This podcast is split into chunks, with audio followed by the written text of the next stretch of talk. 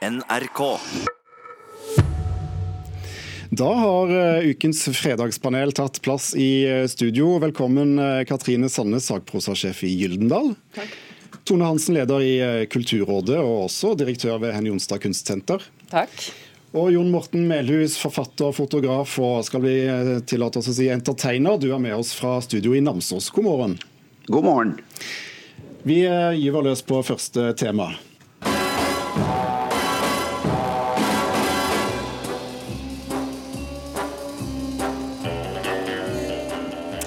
Lashana Lynch blir den første kvinnelige og svarte skuespilleren til å spille den ikoniske 007-agenten, skrev flere utenlandske medier denne uken, og også gjengitt her i NRK, til massive reaksjoner.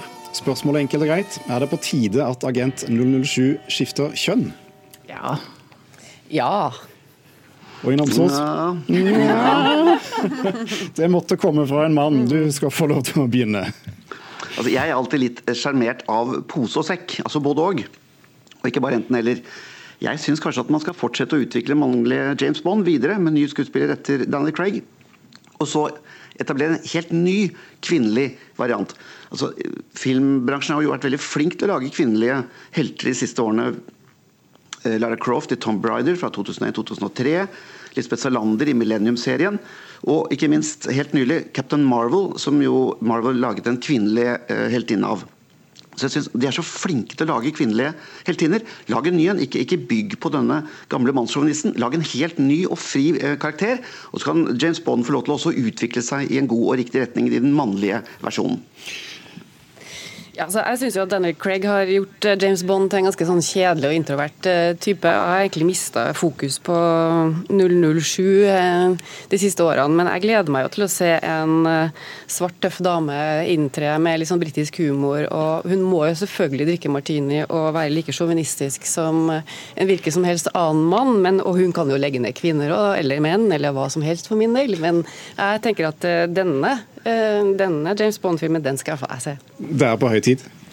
Jeg har ikke sett James Bond siden, eh, siden Roger Moore, jeg tror jeg. Så jeg, så jeg tenker at eh, for min del tenker jeg at de må jo gjerne gjøre eh, ja, kanskje, kanskje er det dette som skal til for å, for å eh, få en ny generasjon eh, seere til, til 007, for det er jo ganske jeg vet ikke, altså Jason? Jason Bourne jo, går jo utapå, James Bond 100 ganger. Så, så det er eh, Jeg tror jo kanskje at dette kan være en, sånn, en måte å kickstarte hele serien eh, på nytt igjen. Men er det ikke et poeng som Melhus her sier, at eh, hvorfor ikke skape en ny eh, figur, i stedet for å på en måte stjele andres klær? Altså, Noen klassikere har godt av en fornyelse, og jeg er ikke så opptatt av kjønn. egentlig. Jeg syns hun virker som en utrolig bra karakter som kan gå inn og gjøre en god jobb, uavhengig av det.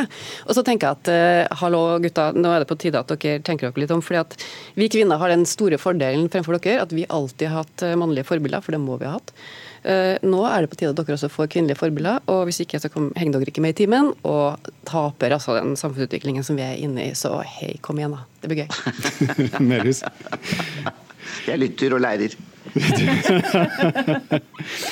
Men altså, dette er jo da en film som skal komme neste år, og det er masse spinn og markedsføring knyttet til det. Kan vi egentlig tro på at dette er sant? At hva er sant? At, At det blir en kvinnelig 007? sant er det vel neppe.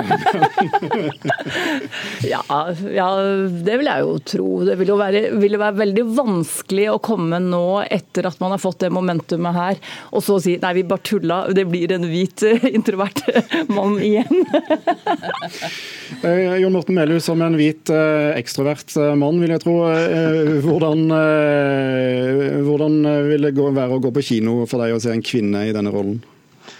Jeg tror det, det kommer til å bli bra uansett, tror jeg. Så jeg tror ikke det blir noe dårlig. Eh, Men jeg kunne godt tenke meg å kjøre to parallelløp. Jeg har hatt en mannlig og en kvinnelig, for da kan vi hygge oss med begge deler. Vi skal eh, videre til eh, festival. På camp så er det jo uhorvelig mengde telt som folk setter igjen. Soveposer, liggeunderlag, kjølebager, stoler.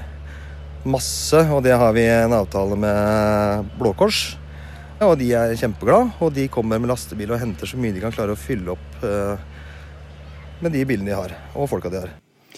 Ja, Det sa campsjef ved Stavernfestivalen Fritz Theodor Treskov Håkholt til oss tidligere denne uken. For folk eh, der de dro rett og slett hjem og etterlot seg utstyr til eh, rundt en million kroner. Etter at festivalen var over på søndag, så sto det altså telt igjen som eh, var fullstendig brukbare og, og klare til bruk. Som da ble hentet av lokale speidere og et musikkorps. Glemmer man verdien for lettvinthetens skyld, eh, Melhus? Ja, det tror jeg absolutt. Og det er jo fascinerende, syns jeg, at uh, unge mennesker som er så opptatt av miljøvern og tar vare på kloden vår på best mulig måte, det viser hvor vanskelig det er å være miljøvennlig og bærekraftig når det koster litt ekstra innsats. Spesielt når man er skikkelig bakfull. Uh, jeg var på Roskilde i fjor. Og jeg mener Problemet starter egentlig litt eh, hos festivalarrangøren. Denne teltbyen der det så ut som en litt dårlig organisert flyktningleir. Det var helt, helt, fryktelig. Men de pakker de teltene så tett sammen at det er nesten umulig å holde ryddighet og en viss uh, ja, struktur på det. Og når det først begynner å bli rotete, ja, så gir man jo mer og mer blaffen etter hvert. Så jeg syns det har litt med det å gjøre. og uh, I forbindelse med Roskilde så ble jo telt solgt for 100 kroner. altså Det ble solgt for å kunne kastes etterpå. Og det var jo over to, million, eh, to uh, tonn, 2000 tonn mener jeg, med, med, telt og teltplugger og stoler som sto igjen. Som bare ble kjørt uh, samlet sammen med gravemaskiner og, og, og brent. Så jeg syns jo det er, er, er, veldig problematisk. Men jeg mener at festivalarrangøren har et problem også her. Vi må få et ja og nei fra, fra studio her i Oslo også. Glemmer man verdien? Ja. ja. Hvorfor skjer det? Nei, altså, eh, jeg tenker at det er ganske mange som profitterer på at, å selge billige ting. Biltema, som solgte telt til festivalen i Stavern, har jo også et ansvar for å faktisk eh, komme og rydde opp eh, når de, når de tjener så bra på å selge billige ting til festivalpublikummet.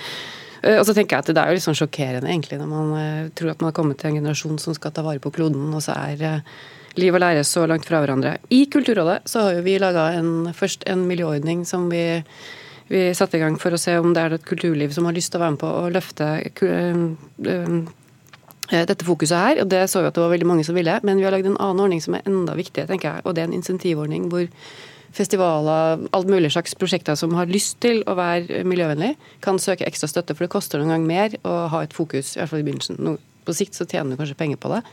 Men, eh, men, jeg tenker at vi må sette i gang ganske mange tiltak Eh, langt foran og i forkant av eh, sånne type festivaler og alle mulige slags arrangementer for å få noe effekt.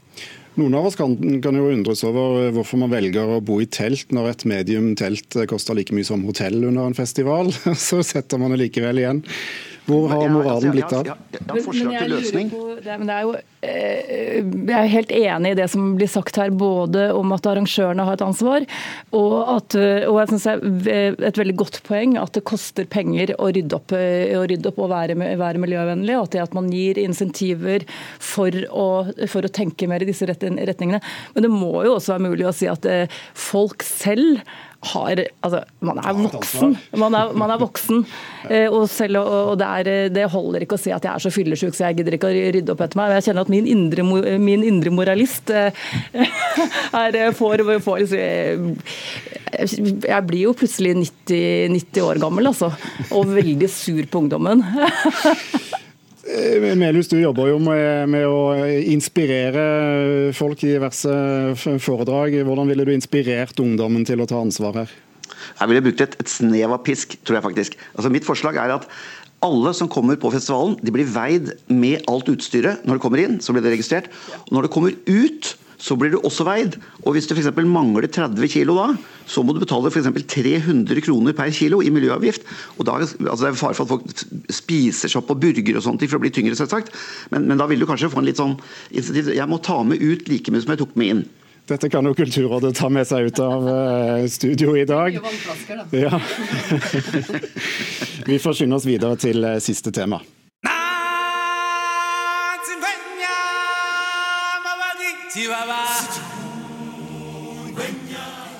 Ja, Denne uken så hadde Disney eh, sin nyinnspilling av Lion King premiere, og den har fått ja, middelmådige anmeldelser. Noen mener det er en blåkopi av originalen fra 1994, bare med det som da ser ut som eh, levende dyr som snakker, men det er jo altså da animasjonsfilm fortsatt. Trenger vi denne Lion King-filmen? Nja, tja. Ja. Melhus? Ja. Ja. Eh, for å begynne med litt tja, da. Nei, jeg var et absolutt og definitivt ja, jeg. Ja. ja var til venstre. Du, det var meg. Ja, altså nå har ikke jeg barn, så jeg har ikke sett den. Og jeg må vente til jeg får sett den på en langdistanseflyvning, tror jeg. fordi det er der jeg får sett eh, barnefilmene.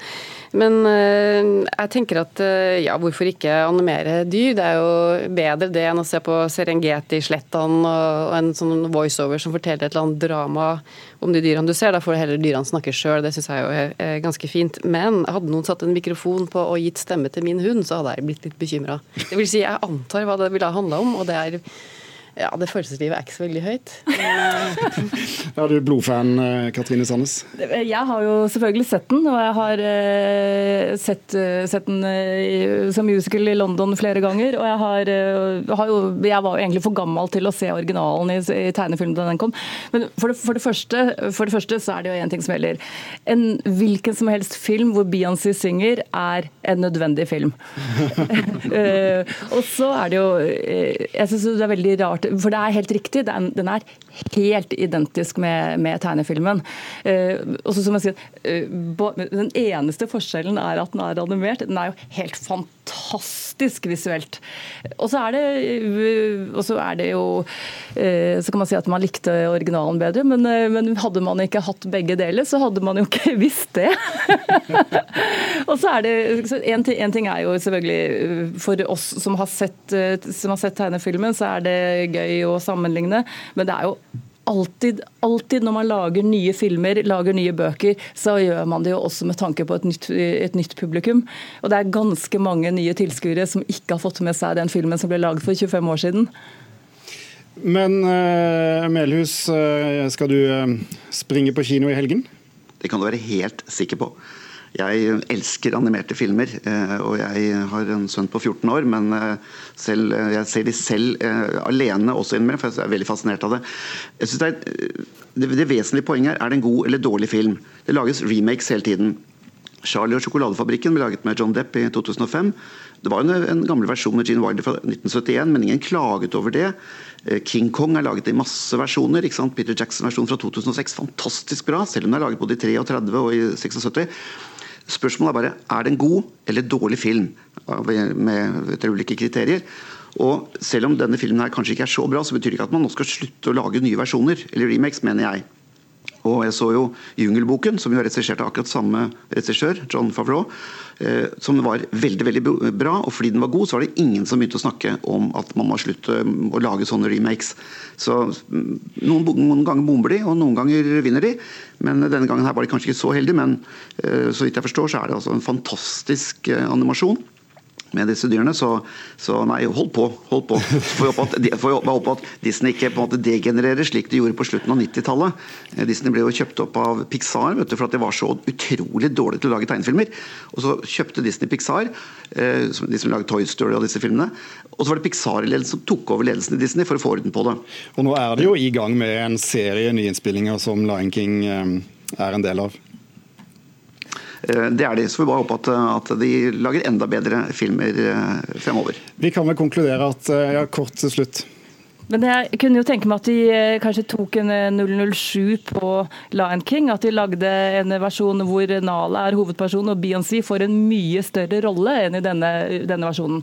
Den oppfordringen sender vi til Disney. Takk skal dere ha. Ukens fredagspanel besto av Katrine Sandnes, Tone Hansen og Jon Morten Melhus.